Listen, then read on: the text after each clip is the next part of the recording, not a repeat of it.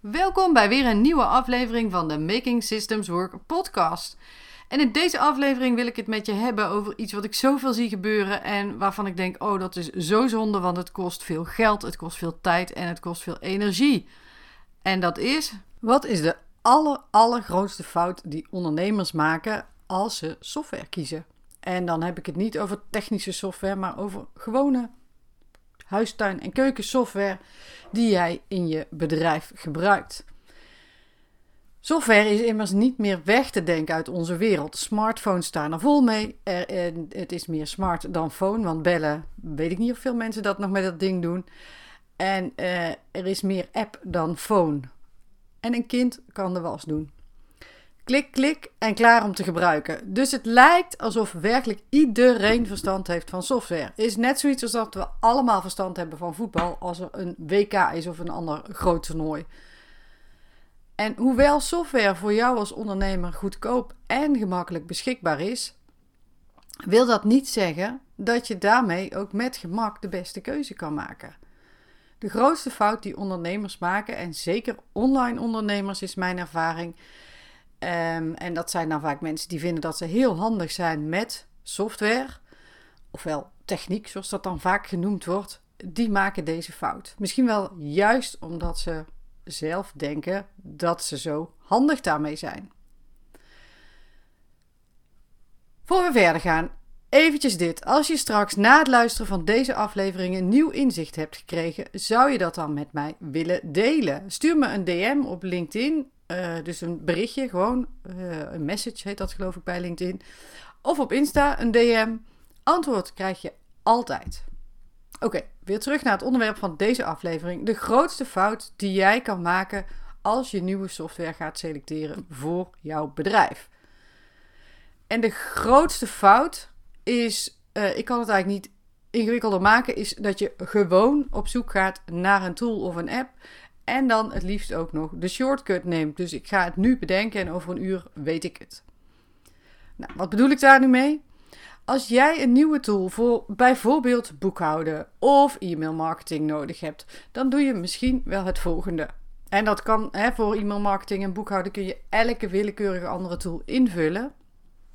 Je gaat naar een Facebookgroep en ehm, eh, van je eigen coach. Of je gaat naar ambitieuze meisjes of business babes. Uh, punten, nee, business babes NL is het geloof ik. Um, waar veel van dit soort vragen voorbij komen. En er zijn er vast nog honderden, duizenden meer. Of je plaatst gewoon een oproep op LinkedIn. En eh, vaak zie ik een berichtje met een vraag als welk boekhoudpakket, om daar maar even bij te blijven, moet ik hebben, want ik doe nu in Excel en dat is niet zo handig. Of welke e-mail marketing software adviseer jij? Want ik vind Mailchimp is dat dan vaak niet meer zo fijn. Oké. Laatst zag ik zelfs dit. Weet jij een handige gratis tool die gebruiksvriendelijk is voor het editen van audio? Dan denk ik, hoe dan? Want ik weet niet wat jij kan. Ik weet niet wat jij weet, wat jij gebruiksvriendelijk vindt. En dat hangt heel erg samen met de kennis en ervaring die je hebt. En ook met wat je verder nog hebt. Hè. Kijk, als ik een hele uh, toestand heb met. Uh, toestand. Als ik alles in Windows heb, maakt het nog wel wat uit. Uh, in vergelijking met als ik alles in Apple heb. Of misschien heb je nog wel, heb je wel een, een desktop in plaats van een laptop. Nou ja, goed. Er zijn dus allerlei dingen die, waarvan het maar de vraag is: van wat maakt dat gebruiksvriendelijk? Um, het gaat niet over deze specifieke voorbeelden. En um, je kunt je misschien wel, als ik dit zo zeg, aanvoelen dat dit gewoon niet gaat werken.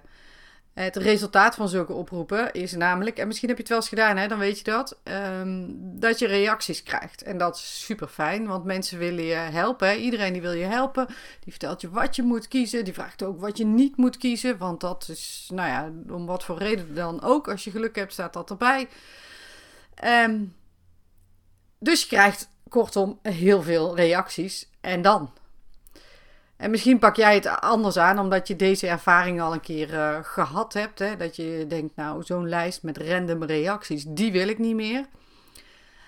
Um, dus je typt in in Google de beste tool voor X. Boekhouden, uh, e-mailmarketing, plannen op social media, video's maken. Nou, verzin het maar. Hè. Daar kun je zelf wel uh, vul maar in wat je zoekt. En binnen no time heb jij natuurlijk enorm veel hits op Google. Video's en blogartikelen en misschien nog wel andere type content die Google met jou deelt. En dan? Wat ga je dan doen met al die resultaten en reacties?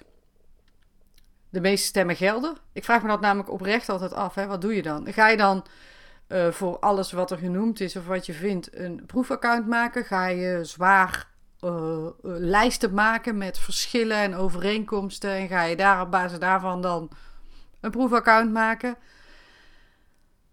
En misschien denk je, ja, weet je, dit heb ik allemaal al gedaan, Mirjam. Ik heb al eens een keer zo'n oproep geplaatst en ervaren dat het echt een drama is. En ik ben ook al bij Google geweest en op YouTube. En nee, daar word ik niet blij van.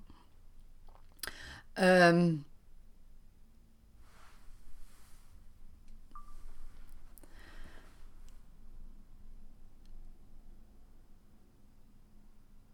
En vraag je gewoon aan je business coach of VA welke software zij adviseren en dan neem je die. Maar welke route je ook kiest, eigenlijk probeer je een shortcut te nemen naar nieuwe software. En helaas, dat werkt gewoon niet zo. Welke van die drie routes, of misschien heb je nog wel een andere, uh, die drie shortcuts je ook kiest, het is een recept voor ellende, kan ik je uh, nou, bijna garanderen. nou, hoe dat zo komt, dat vertel ik je zo. Maar eerst even waarom je nou probeert zo'n shortcut te nemen. Want het is helemaal niet gek, hè? Um, eigenlijk is het misschien zelfs wel logisch. En je bent zeker, zeker niet de enige. Dat zul je ook geconstateerd hebben. En de belangrijkste reden is misschien wel dat het aanbod van software zo enorm is dat je het gewoon niet meer kan overzien. Inmiddels, kan ik je vertellen, staat de teller bijna op 10.000 10.000 verschillende softwarepakketten. Voor van alles en nog wat, maar het heeft allemaal te maken met ons online ondernemen. Uh, dus het is van je website en het analyseren van je bezoekers, het maken van goede content, het uh, delen van content, het verzamelen van allerlei statistieken, planners voor social media, taken, projecten. Je kunt het zo gek niet verzinnen. Um, de lijst is eindeloos en het is ook niet gek dus dat je niet bij deze eindeloze lijst begint. Dus dat is de belangrijkste reden, denk ik, dat je denkt: oh, ik ga gewoon voor een shortcut. Uh, misschien niet bewust, maar wel dat je die keuze maakt. Een tweede reden is, en dat klinkt misschien gek, dat software hele lage investeringen vraagt tegenwoordig. Je hebt niet meer contracten van tienduizenden guldens of euro's om uh, een jaar lang software te kunnen gebruiken en alle hardware die je er dan bij krijgt. Zo werkt het ook niet meer.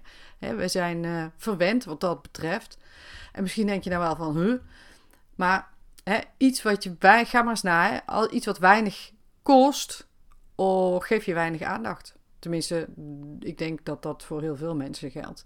Ik analyseer namelijk ook niet steeds als ik een, een, nieuwe shampoo nodig heb, ga ik niet het hele aanbod door van, oh, is er misschien iets beters dan wat ik de afgelopen keer heb uh, gebruikt, gekocht.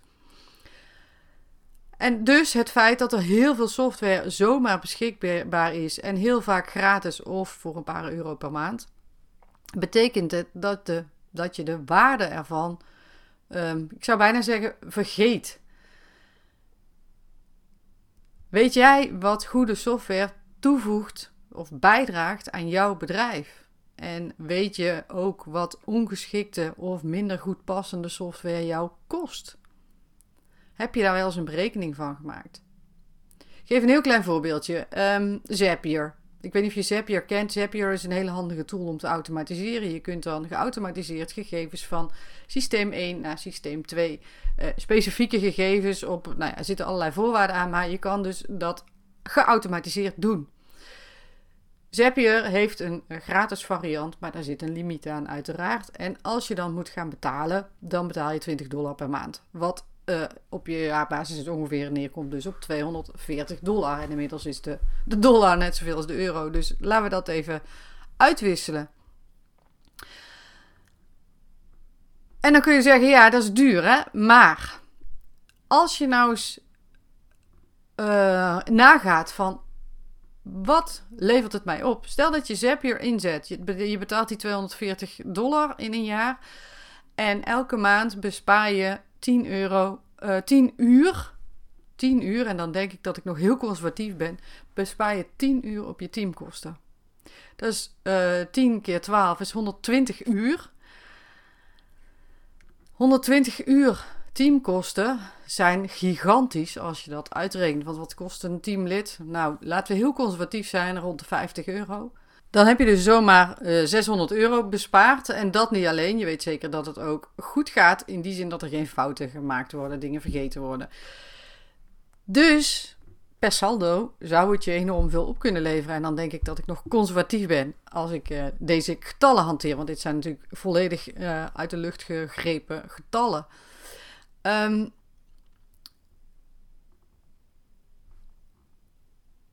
nou ja, goed. Mijn punt is eigenlijk dat we software te weinig zien of niet zien als een waardevolle asset in je business, maar juist als een kostenpost die je zo minimaal en zo laag mogelijk moet houden. Terwijl als je wel de toegevoegde waarde er gewoon van berekent, dan wordt het zinvol om je ook te verdiepen in welke software het meeste kan toevoegen voor hè, de kostenbatenanalyse te maken, laat ik het zo zeggen. Um, en dan ben je niet meer zo op zoek naar een shortcut. Dan ben je op zoek naar het beste voor jou. En dan is er nog een derde reden om even snel via via, via de shortcut dus nieuwe software te kiezen. Is dat er ook op software, ofwel op een modern techniek of toolgebied genoemd wordt, heel veel bondscoaches zijn. Er zijn niet zo heel veel specialisten die alle facetten van de software goed kunnen uh, uh, meewegen voor jou. Um, en die precies weten waar je op moet letten bij software kiezen. Die jou helpen om net dat ene pakket te selecteren en te vinden. Wat ook in samenhang goed werkt met wat je al hebt. Of in lijn is met de plannen die je hebt met je business. En ook daar kun je je dus afvragen: ja, hoe ga ik dat dan voor elkaar krijgen?